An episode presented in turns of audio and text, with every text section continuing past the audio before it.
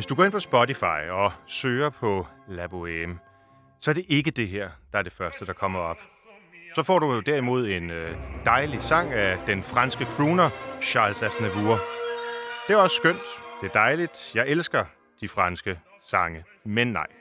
Selvom operan La Bohème foregår i Paris, så synges den på italiensk. For den er skrevet af den italienske komponist Giacomo Puccini. Og det har intet med Charles Aznavour at gøre. Derimod, så øh, skal jeg her i kammertonen forsøge at føre dig ind i operans finurlige og forunderlige verden. Og jeg mener, at øh, La Bohème, det er det helt rigtige sted at starte. Operan her, som vi hører i baggrunden, lige nu er det Luciano Pavarotti, der synger, den foregår nemlig juleaftensdag, og det er jo nært forestående.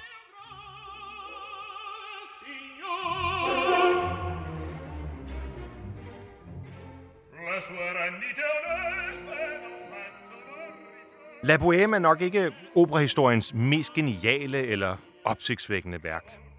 Jeg tror heller ikke, at man kan sige, at det indtager som sådan nogen definerende rolle i operahistorien. Men for mig er det simpelthen noget af det fedeste, der er skrevet. Jeg kan høre det igen og igen. Puccini er uden tvivl operahistoriens bedste komponist, hvis det handler om at gøre musikken tilgængelig og finde på gode melodier og ja, kommunikere både sangen og lyrikken, handlingen og det hele. Og netop i den periode, hvor den her opera er skrevet, det vil sige lige omkring forrige århundredeskifte, der befinder den italienske opera sig midt i det, der kaldes verismen, altså af det italienske ord vero, sandhed. Hvor øh, operan tidligere havde prøvet at skitsere og portrættere helte og guder og eventyr, så ville de store operakomponister omkring år 1900 øh, lave en sandhedsfortælling. Bohème havde premiere i 1896 og prøver at beskrive det ægte menneske. Det ægte hverdagsliv. Ikke guder og konger, men helt almindelige mennesker. Og det er dem, vi hører her. La Bohème handler om fire helt almindelige, fattige studerende.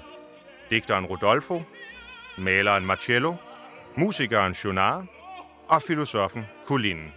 Og det er dem, vi hører tale sammen her om livets hårdhed.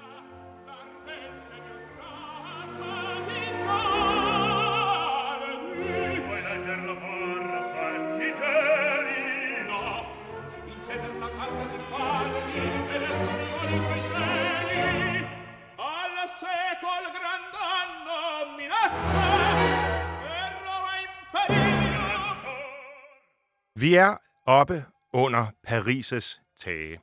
I en kold og utæt taglejlighed, hvor de fire venner, de hver især dyrker deres muser. Og denne specielle aften, juleaftens dag, hvor øh, operan begynder, det er selvfølgelig en bidende kold dag. Derfor, og det er det, vi hører lige nu, så øh, har Rodolfo, digteren, besluttet sig for, bare for at få en lille smule varme i hytten, at de må simpelthen brænde hans manuskript. Ind i brændeovnen med den, og i det mindste en kort sekund få lidt varme fra de knitrende sider. Og da den sidste flamme er gået ud, ja, så kommer pludselig Joinar hjem. Han har den mest fantastiske nyhed til sine venner. Det er nemlig lykkedes ham at få en rig mand til at donere både penge, mad og vin, og så kan julefesten begynde. Festen, der hører man i Puccinis ungdomlige og virile løslukkende musik, som underbygger hele fortællingen om de fire boemer under Paris' tage.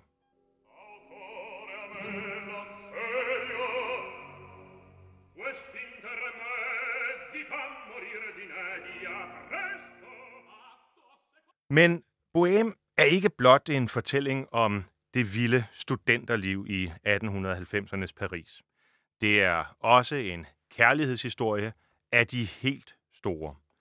Faktisk øh, så stor, at Puccini han havde konkurrence i forhold til, om det nu skulle være ham, der øh, skulle skrive fortællingen. Den er baseret på en, øh, en novelle af Henri Murger, som hedder Scène de la vie de Bohème, altså scener fra en Bohèmes liv. Og Puccinis samtidig, den italienske komponist-kollega Ruggero Leoncavallo, han havde også øje på den gode historie. Men han havde ikke nær den samme gribende sans om musikken. For mens øh, Puccini virkelig var sin tids helt store hitmager, ja, så fornærmer man nok ikke nogen ved at sige, at Leon Cavallo faktisk kun lavede et hit, nemlig Bajasser, som i øvrigt var hans første opera. I 30 år efter succesen, der forsøgte han sig igen og igen og igen. Hele 10 operer blev det til, men der er ikke nogen, der har klaret tidens tand. Det er der måske nok en grund til. For med Puccini som en helt uforlignelig komponist ud i orkestrering, temaanvendelse, samspil mellem stemmerne, ja, så skal man sand for dyden stå tidligt op. Og det helt store punkt i første akt, det er selvfølgelig der, hvor romantikken opstår.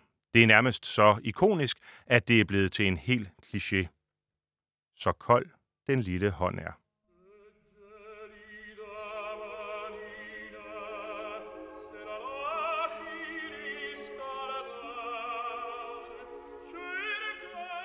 Vi er her lidt længere inde i første akt, hvor Marcello, Jonara og Colline, de har nu forladt Rodolfo.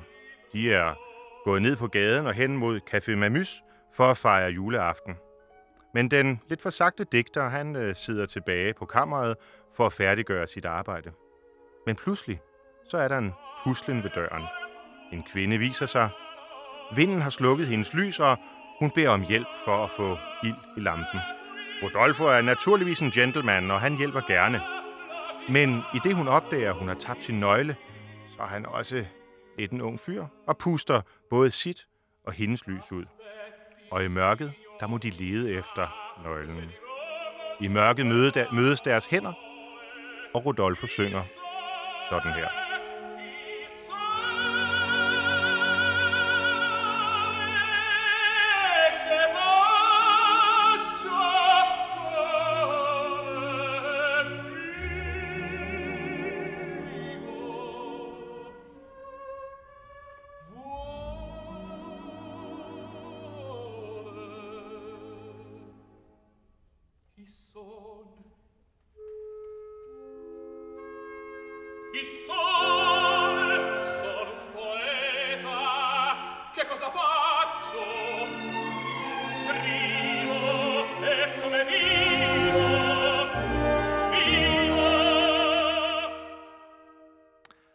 Kold den lille hånd er, lad mig varme den i min. Det er jo ikke bare en arie, det er 15, det er indledningen på 15 minutters fuldblods potent kærlighedserklæring. Først Rodolfos bekendelse til Mimi, som vi hører her i baggrunden, og derefter Mimis fortælling om sig selv. Og til sidst, i den fuldkommende duet, der afrunder første akt, O suave fanciulla, O du lille pige, ja, der ud, vandre de to elskende ud i den kolde, men nu hjertevarme julenat. Og temaerne fra de to første arier, altså det vi hører her, og Mikiamo Mimi, det er selvfølgelig dem, der sammensmeltet udgør duetten, som afrunder første akt til fuldkommen perfektion. Hvis ikke det her kan få en vær til at mærke kærligheden, så skal man være meget, meget kold indeni.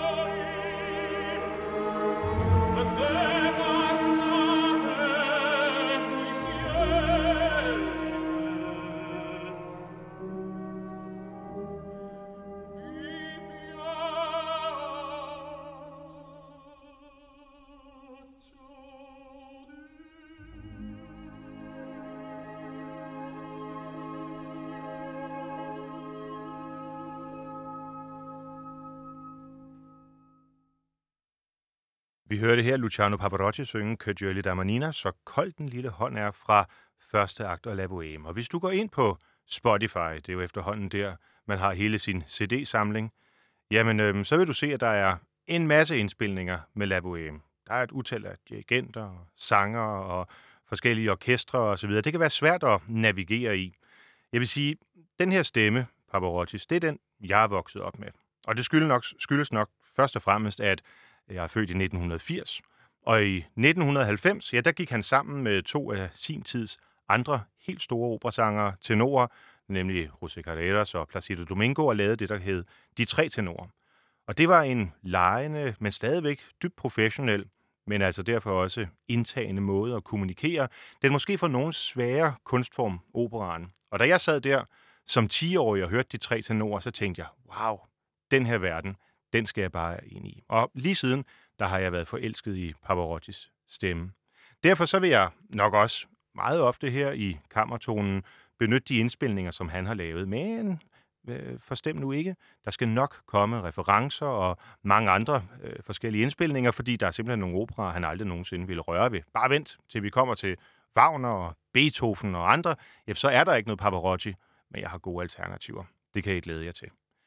En af dem, som har været med til i Danmark at lave både indspilninger, men også opførelser af La Bohème, det er den store danske basbariton Sten Byrjel.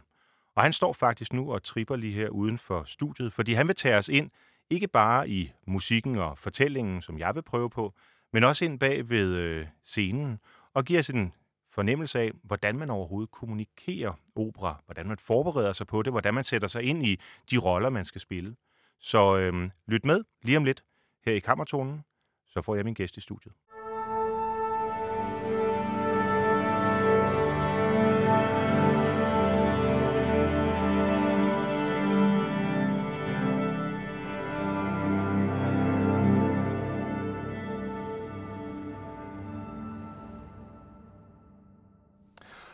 Og nu har jeg fået besøg her i studiet af dig, Sten Byrgel. Ja.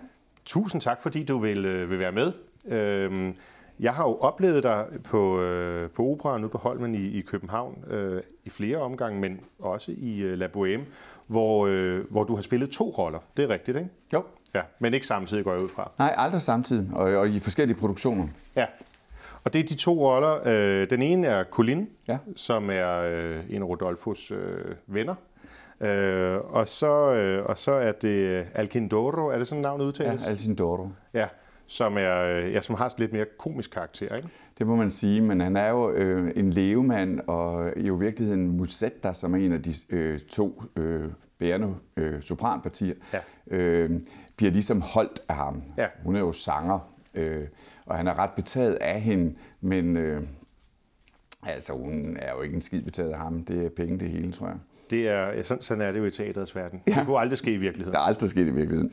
Øhm, grunden til, at jeg har inviteret dig ind, det er selvfølgelig for, at du kan hjælpe mig med at blive klogere på Bohème og på øh, Puccini, øh, hvordan det er at arbejde, men, men også hvordan det sådan er, så at skulle have det ud over scenen og så videre. Men jeg kunne godt tænke mig at dvæle ved det, ved det, ved det første først. Altså, hvordan, hvordan er det at arbejde med Puccini i forhold til andre komponister, for eksempel? Altså, Puccini er egentlig ikke så enkel, som han lyder. Okay? Øh, synes jeg. Altså, jeg synes indimellem, at øh, når der er, du går ind og hører operan, så lyder det bare som om, at det her det er det mest naturlige i verden. Ja. Men jeg synes egentlig, at indstudere det, er det jo ikke sådan, øh, som en Mozart-arie eller noget andet, som egentlig kører sig selv. Nej. Han, øh, han svinger lidt rundt, og de der ting, når man så hører det i sammenhæng, når orkestret er der, så lyder det fuldstændig logisk. Men øh, at indstudere det, jeg kan bare huske allerførste gang, hvor jeg skulle lave Colline, der var... Øh, øh, der var jeg nærmest lige kommet, blevet ansat lige færdig på akademiet, hvor Colin faktisk også var en af mine eksamensopgaver. Øh, og der sang vi jo på dansk. Ja. Øh, Hvor er vi og henne øh, tidsmæssigt der? Der er vi, der, er jo det, jeg blev ansat i 85, så vi ligger der mellem 85 og 87 eller sådan noget. Så det er jo 400 år siden snart. Men der var, øh, og der var sådan en overgangsfase mellem det der med at indstudere på italiensk og indstudere på dansk. Men det må være en kæmpe forskel øh, sprogmæssigt, om, øh, om man synger på det ene eller på det andet. Er det ikke mere naturligt at synge Puccini på italiensk? Jo, når det bliver færdigt, men altså den, øh, på det tidspunkt var, var der en tradition i Danmark om, vi sang faktisk næsten alt undtagen Strauss og Wagner på, på dansk. Ja. Men det her var sådan en overgangsfase, fordi der begyndte folk, ligesom også den danske opera senere, at blive global. Mm-hmm. Og det vil sige, at vi havde Peter Lindro, som jo var vores faste tenor, når vi var i det italienske fag, og en fantastisk sanger. Han sang det jo også ud i verden, så han nægtede at synge det på dansk. Øhm, så han, han øh, sang faktisk hele sit parti på italiensk. Og vi, alle vi andre sang på dansk. Ja. Øh, og det gav altså sådan nogle øh, Det må have været lidt, lidt pudsigt for det os var som lidt publikum. pudsigt, men det betød så også, at meget hurtigt efter det, så begyndte vi så at sige, okay, er det ikke på tide, at vi også i, den- i den danske opera begynder at synge Puccini, og Ja. øh, mange af de der store Tosca, sådan nogle sang, så sang vi faktisk også på dansk, ikke? men det- de store operer på italiensk opera også blev på italiensk. Men, Og- men ja, undskyld, bare ja. Fortsæt. Og det, øh, det gjorde I så, og det der så, det egentlig, jeg, grund til at komme i tanke om det her, det var, at stadigvæk, når jeg hører øh, Collins øh, frakkeejen, Ja. kappeejen, ja. som man kalder den, ikke? så hører jeg den stadigvæk på dansk, selvom jeg har sunget den på italiensk. Er det rigtigt? 430 gange mindst. Men altså, øh, librettoen, teksten, betyder jo meget, har jo betydet enormt meget for Puccini. Det er hans, øh, de, de er sådan et makkerpar, Illica og Giacosa, som, som skriver librettoen til rigtig mange af hans øh, operer. Og man kan jo se i, i brevkorrespondancen, at de har virkelig arbejdet med det. Er det så ikke lidt respektløst at bare sige, at vi tager den, vi tager den på dansk? Altså jeg må sige, at i Danmark har vi faktisk haft en vanvittig god tradition for at oversætte de her operer vanvittigt godt. Okay. Øh, og altså, jeg vil sige, at i gamle dage var det jo et, sådan et, et, et, et københavner-fænomen at gå i det kongelige teater. Og selvfølgelig var det på dansk. Det var et dansk fænomen. Ja, ja. Øh, og der er jo sket sindssygt meget i løbet af den øh, tid, hvor jeg har haft min karriere, fra at det er gået fra at være et noget nationalt til at være noget internationalt med den her opera. Ja. Og så har man jo teknisk set nu, kan man jo lave nogle oversættelser, så hvis du ikke er inde i, hvad handler det her om, og hvad synger de egentlig til hinanden, Ja. så kan man jo se det nu på operaen. Ikke? Det kører tekstet. Ja, så, så der er sådan en teknologi i det også, som ligesom gør, at det er fint også forståelsesmæssigt at synge på italiensk, for der er jo ikke ret mange danskere, der forstår, hvad vi siger. Nej, okay, det er også en fair pointe. Ja. Sten, du er uddannet øh, bassanger. Ja. Og øh, de to partier, som øh, er øh, baspartierne i, øh, i La Bohème, har du så sunget begge to. Hvis nu vi begynder med Colinen, Ja. som jo er på scenen fra start af, ja. øh, og vi hører badam, bam, bam, det her mundre øh, bohème-liv blive ja. illustreret i, øh, det vel strygerne, der indleder, og så følger resten af orkestret øh, efter. Hvordan er det, når du hører, når du hører det, badam, bam, bam, hvad, hvad, hvad, hvad rører sig så i dig? Ja, men det er jo, altså hele, altså det er så velskrevet. Mm. Altså for hele den der studentikose, boheme med de der fire gutter, som jo har et liv sammen, altså, og som lever af at være musiker, digter og maler og filosof. Ja. Altså der er ikke, de har ikke øh, smør på brødet, de har knap, de har jo ikke engang brødet. Og de har ikke brænde, det handler det jo om i starten, at de begynder i virkeligheden at brænde det papir, de har skrevet på, Præcis. eller øh, Rudolf har skrevet på. Ikke? Altså den der studentikose og sådan en Paris-agtig stemning, øh, synes jeg, han fanger fuldstændig perfekt. Og det kan man mærke i musikken. Ja, det synes jeg. Ja. Og, det, altså, og det er, du kommer jo alle følelser igennem, også som spiller i Bohème. Du starter med den der yes, og Schunar kommer ind med brød og Ja. øh, vin, og nu skal vi på Momus. Og ja, altså, det er jo fuldstændig vanvittigt, alt det, der sker. Og den der glæde er der, og så ved du ved jo godt som spiller, at om lidt, når vi kommer ind i fjerde akt, så er det hele forfærdeligt. Ja. Ja. Så du svinger i virkeligheden i de der følelser. Emotionerne får virkelig rusjetur i Bohème, og det skal de have, også som spiller, for ellers så får I det ikke som publikum. Så man er med. Det er ikke bare noget, man synger, det er noget, man lever. Du kan ikke undgå i første akt at komme ud og være ved at dø af grin. Ja, Altså, for det er for sjovt. ja, ja. Det der er, nu sagde du i forhold til Mozart øh, før, altså hvis man hører en Mozart-opera, så vil man jo opleve, udover at der kan være recitativer i det, hvor man har noget, noget dialog ja. eller monolog, så er det jo også en meget afrundet passager. Der er en arie, så kommer der en duet, og så er der måske et kor, og så, og så videre. Hvor når man hører Puccinis musik, jamen så er det jo ligesom en sammenhæng, en hel akt. Det er jo meget sjældent, at der sådan er, er egentlige pauser, medmindre det har en eller anden musisk eller, eller øh, dramatisk øh, årsag.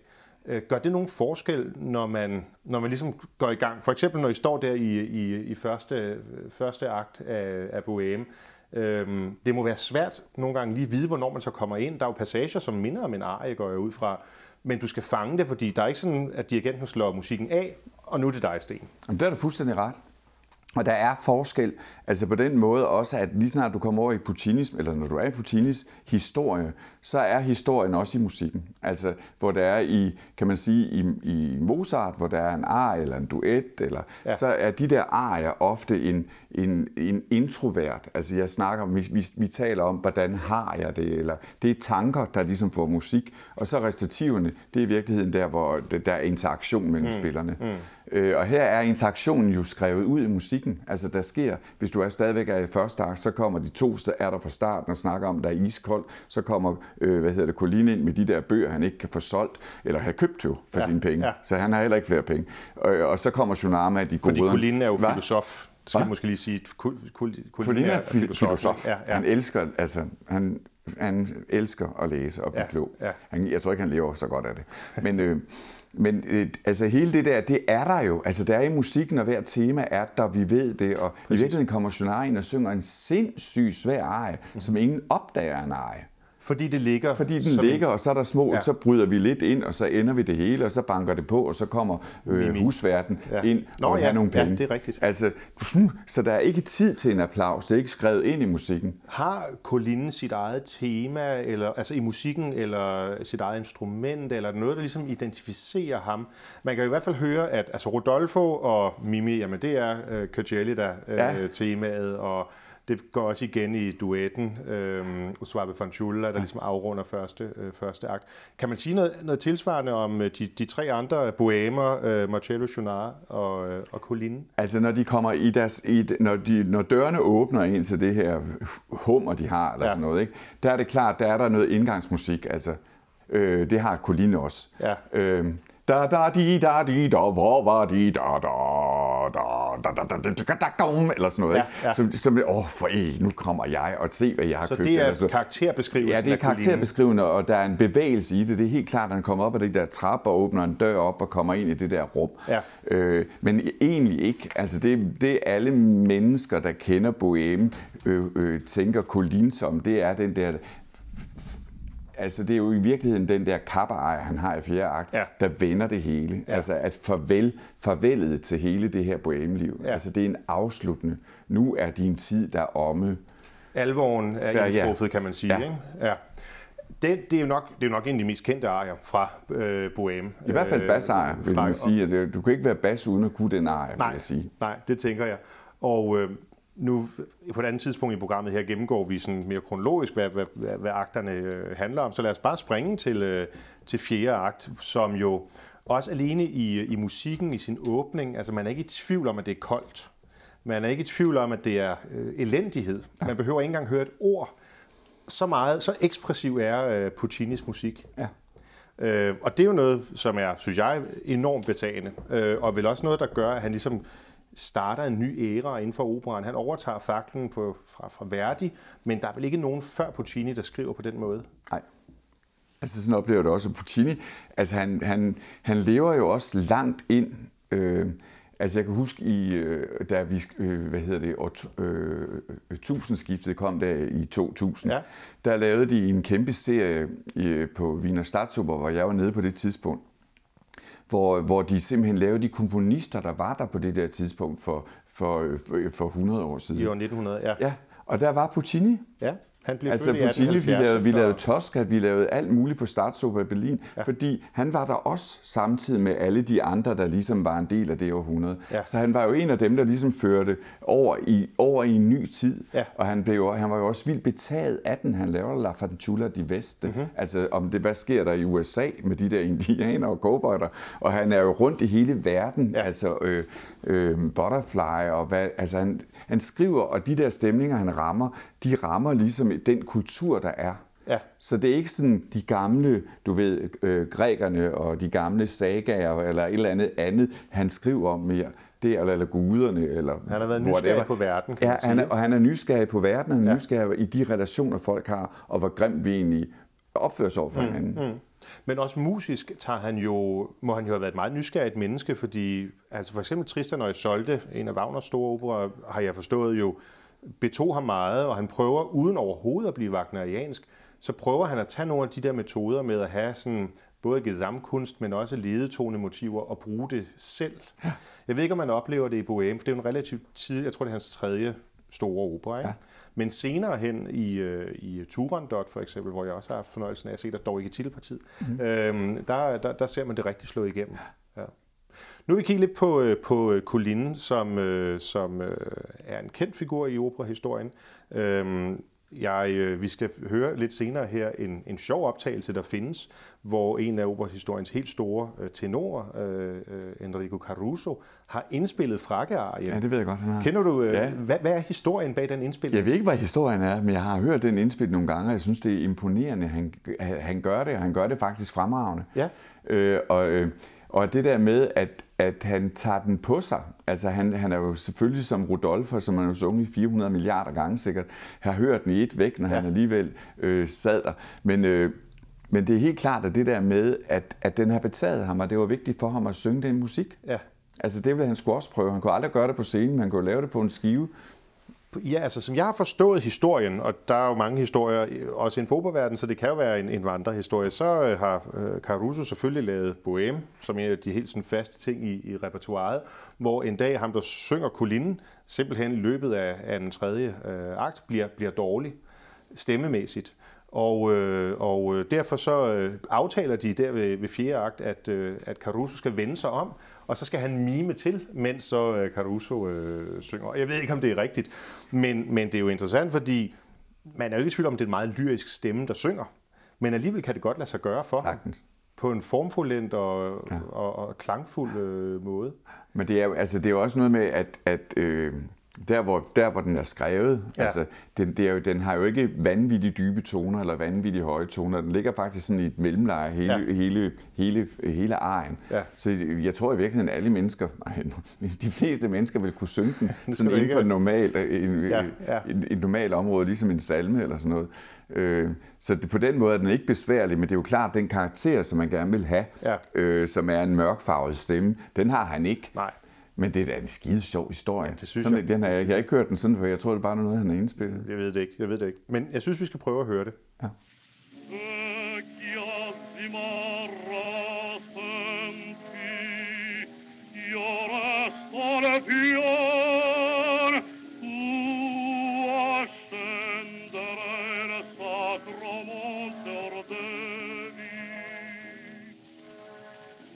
Le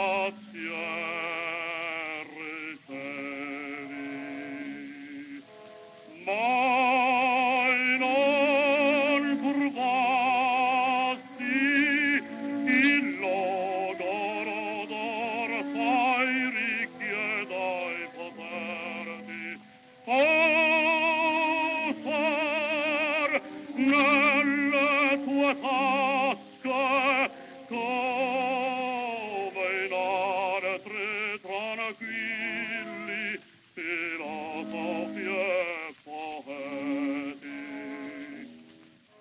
Jeg sidder her med Sten Byrjel, øh, en af Danmarks store basssanger, øh, har lavet både øh, Colline og andre roller i, øh, i øh, La Bohème. Og jeg kunne godt tænke mig at dykke lidt ned i stemmen Colline.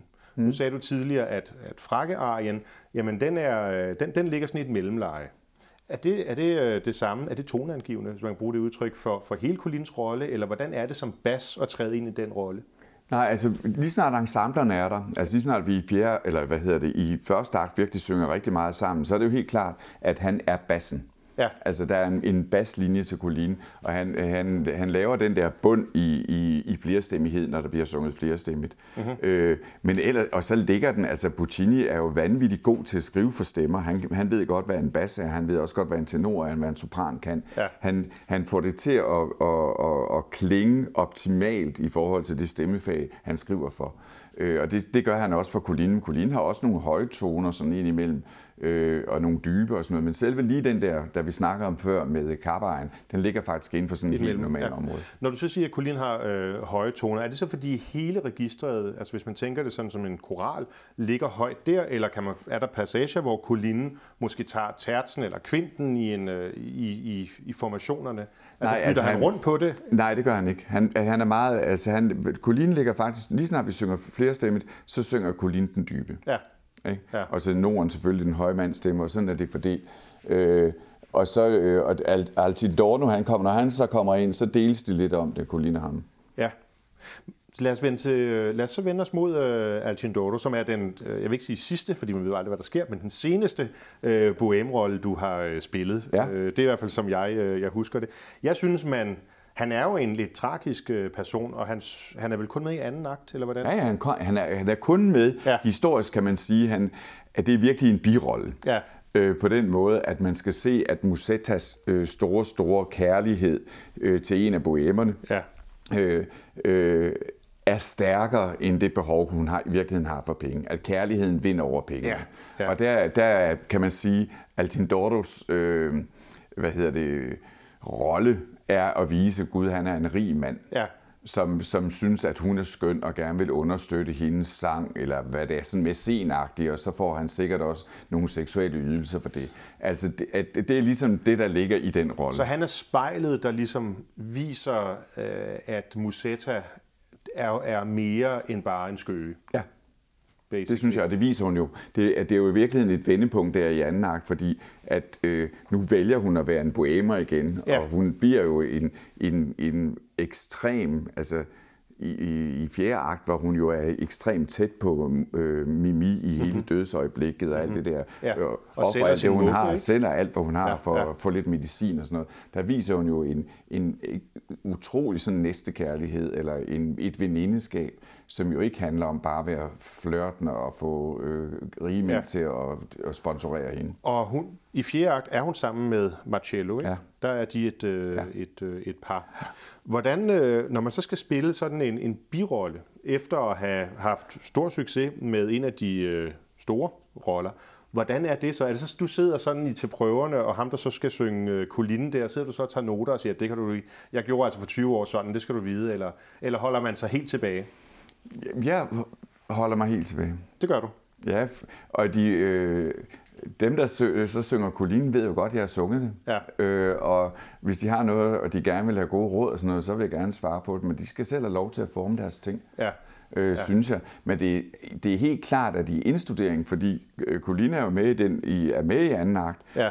Øh, der kan jeg hans fraser bedre end den nye rolle. Altså, det, det, så det er... En Alcindoro. Ja, ja, Ja. Så det, det gælder virkelig om at holde hovedet klar i indstuderingen. Ja. Og sige, gud, det, den frase, der kommer nu, eller den akkord, der kommer nu, skal jeg ikke reagere på. Det er ham. Klart. Altså, det, det er virkelig, det, det er også at aflære at lære en ny rolle, når det er, du har sunget, øh, sunget øh, Colin så 100 mange gange, som jeg har gjort, øh, og så lige pludselig skulle lære ham her. Og lad os lige prøve at høre her fra øh, anden akt, hvor, øh, hvor Alcindoro og Musetta øh, har øh, deres øh, uenigheder. Ja.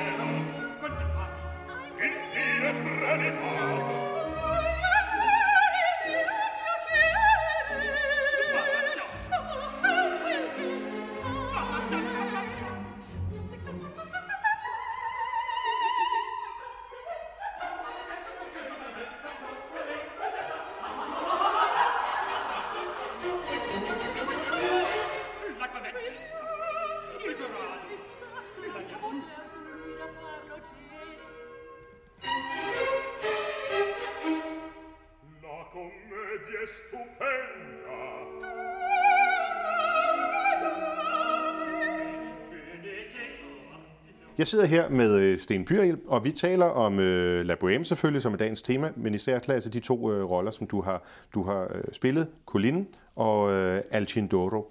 En af de ting, som jeg rigtig godt kunne tænke mig at, at komme ind under huden på, det er, hvordan bliver sådan en produktion her egentlig til? Altså, du øh, har jo været med i mange af den slags, men man sidder her med partituret foran sig, kan se noderne, øh, kan høre musikken måske inde i hovedet, men derfra, og så få det til at blive det fantastiske på scenen med lys og mimik og øh, gestik osv. Der er jo rigtig meget af det, der foregår på scenen, som overhovedet ikke står her i noderne.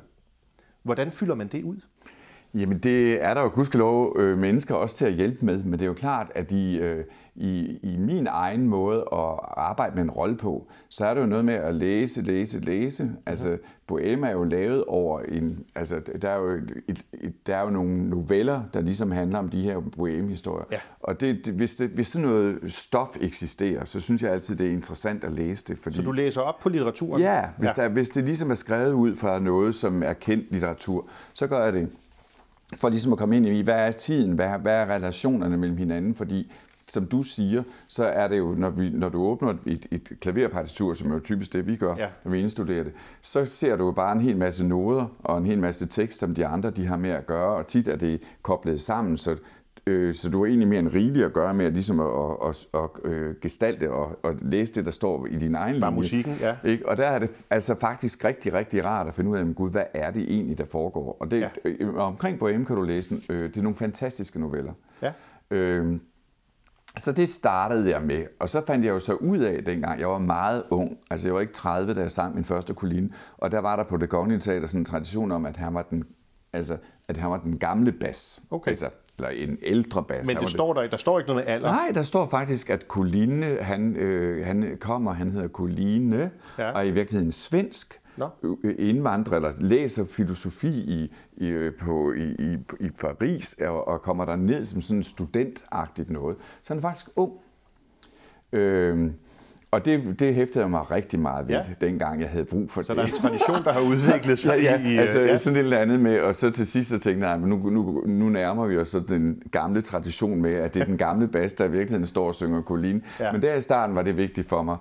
Øh, og så, øh, jamen, så går du i gang med at lære det, og det er der jo også mennesker på, ansat på det kongelige teater til. Ja. Selvfølgelig sidder du hjemme og gør alt det, du kan, men der er jo repetitør, hedder de, hvor, som så spiller klaver og coacher os til at, er i det italienske godt nok, hvis det er på italiensk, mm-hmm. som det jo siden blev.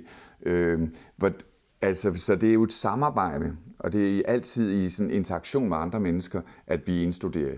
Ja. Altså, der er vi meget forskellige, altså fra sanger til sanger. Jeg kan godt lide at gøre det med nogen, og nogen kan godt lide at... Altså nogle af de andre i sættet? Nej, nej, sammen med, med, med repetitøren, Sådan. eller, og, og gode snakke med instruktøren, og i Ja. ja. virkeligheden også med kostymien, når vi ja. kommer dertil. Altså komme med min egen input i. Så du er synes- med ind over at skabe din karakter? Ja, det vil jeg gerne. Ja.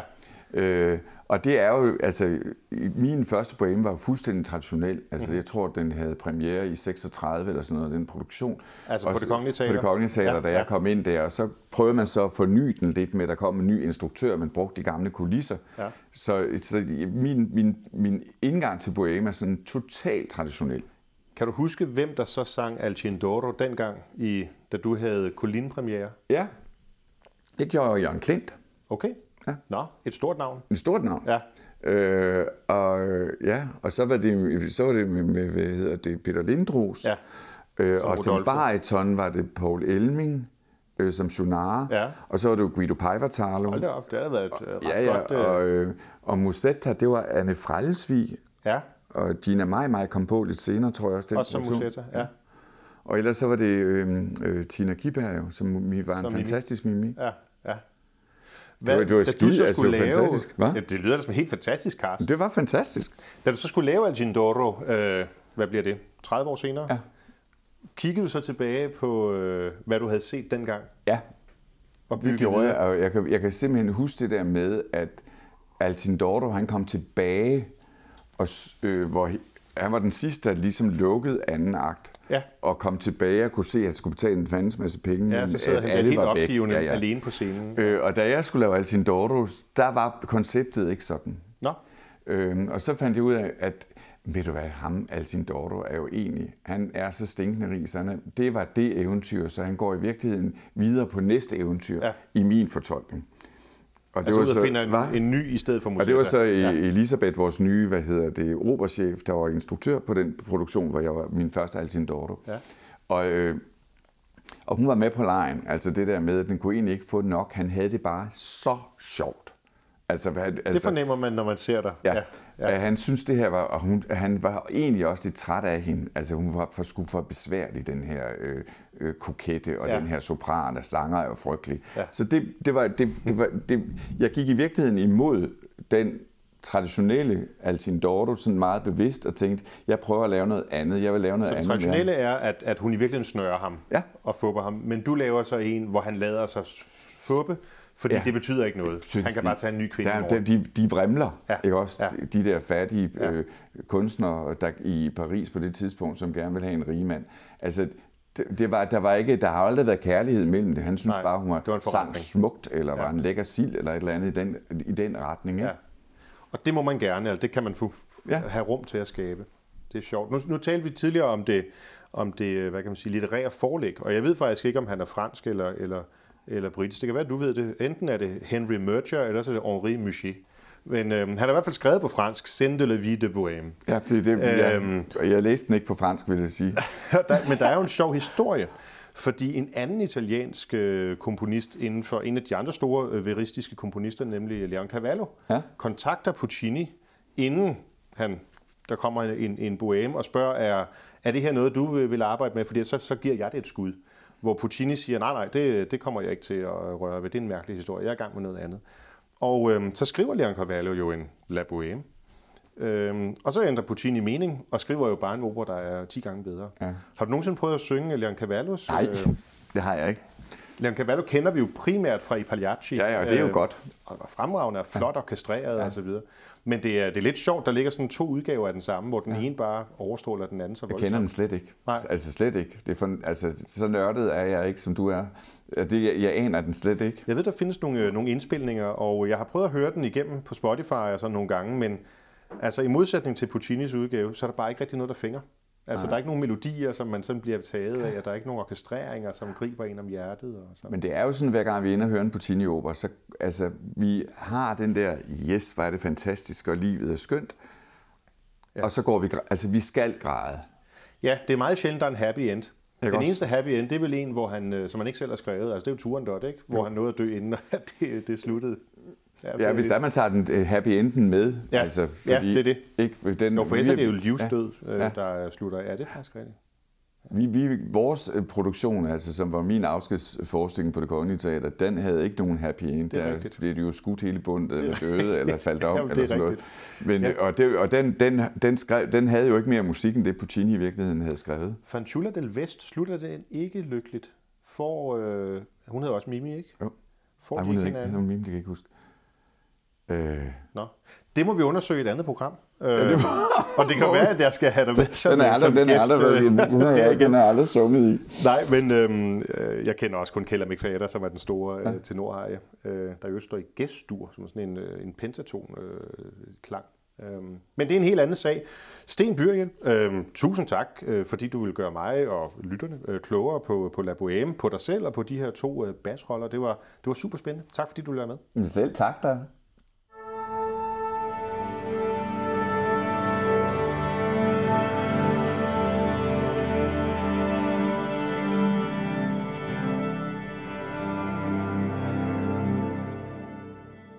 Tak til øh, Sten Byriel, som øh, forhåbentlig gjorde, at vi alle sammen blev en lille smule klogere på Puccini, på opera, på La Bohème, og øh, i hvert fald to af de personer, der er i operan La Bohème. Den indeholder fire akter. Vi kan jo ikke nå at høre dem her, for øh, kammertonen, ja, vi har kun 55 minutter.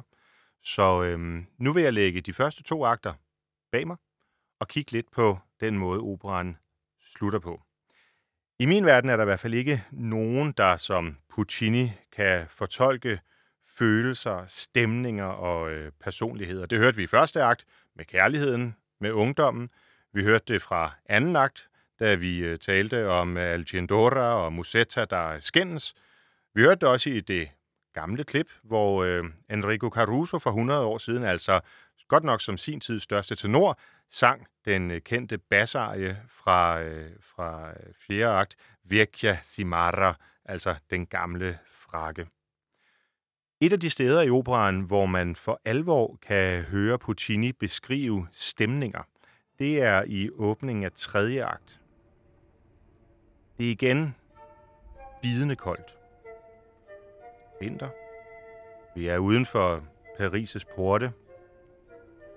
Portene bliver så småt åbnet her tidligt på morgenen, og de handlende, de kommer vandrende ude fra landet for at skulle sælge deres varer. Men prøv at lægge mærke til musikken her. Fløjterne, strygerne helt forsigtige i baggrunden. Og så den måde, koret fungerer på.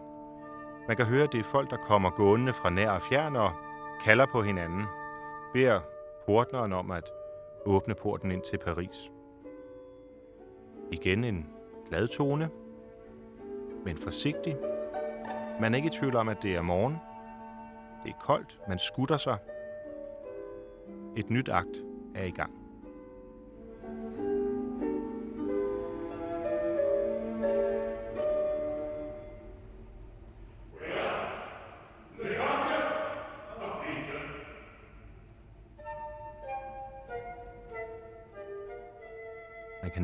Mærke, hvordan frosten hænger i luften.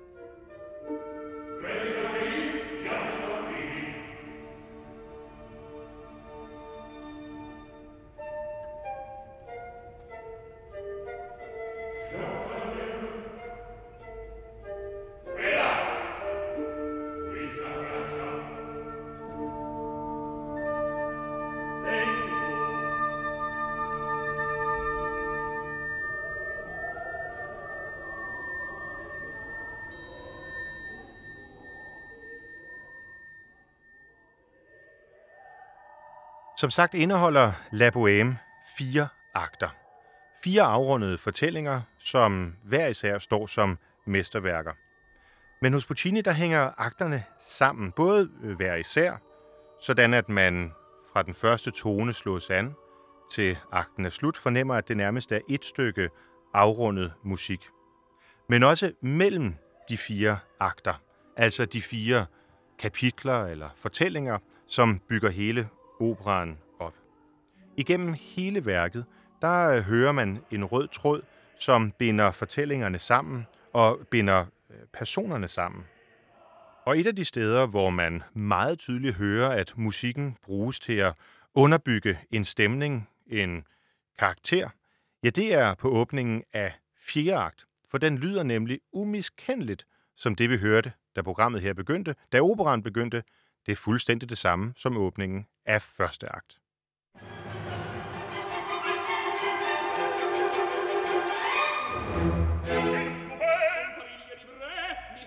Til forveksling lyder det som åbningen på operan. Det er igen Rodolfo og hans gode ven, Pauline, som taler lidt om livet og frosten i Paris og kærligheden selvfølgelig. For stemningen er ikke så let som i første akt. For der er sket så meget.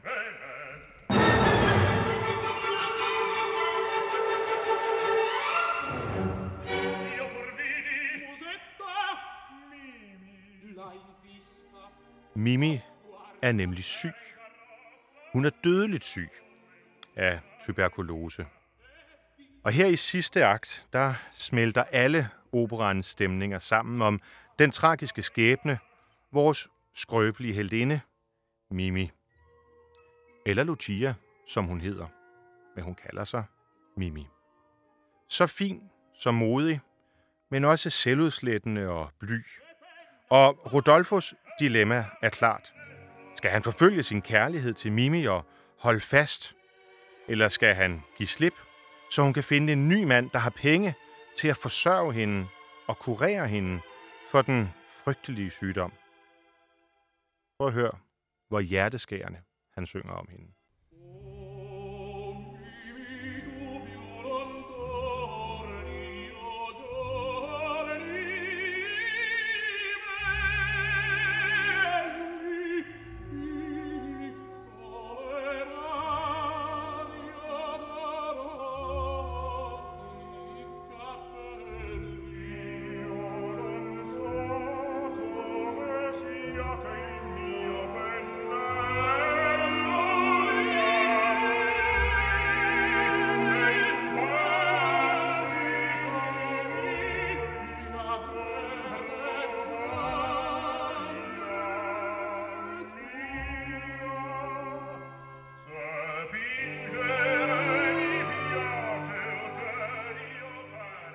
Som vi hørte Sten Bjørl fortælle om tidligere, så er det ikke de samme to ungersvende i højt humør, som vi hørte åbne operan.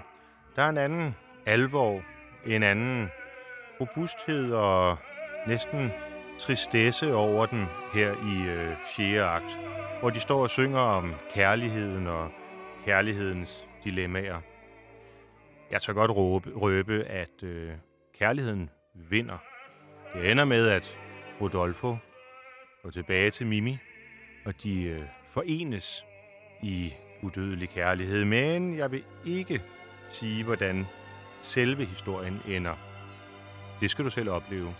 Inde i operan, sidde nede i mørket, kigge op, høre musikken, mærke stemningen og lad dig betage af fortællingen.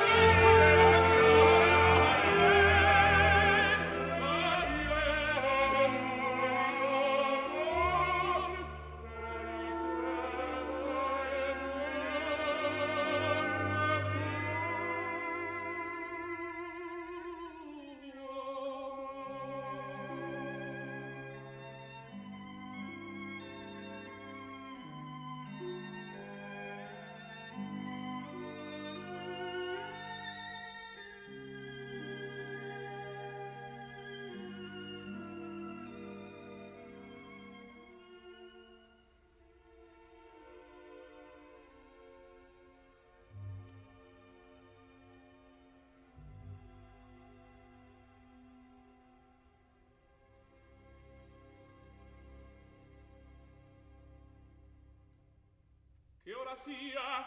L'ora del pranzo di ieri! E sonare l'ore!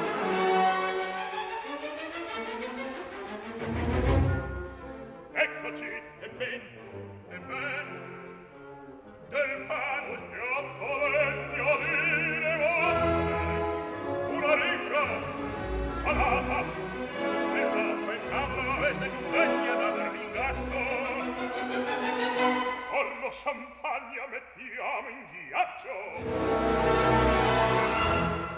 nel gavarone trota o salmone. Tocca una lingua di pappagallo.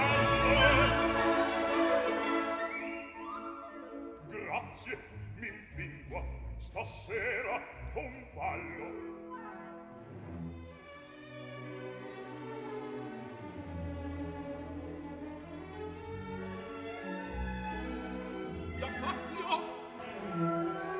aspetta che la re mi aspetta c'è qualche trama qualche mistero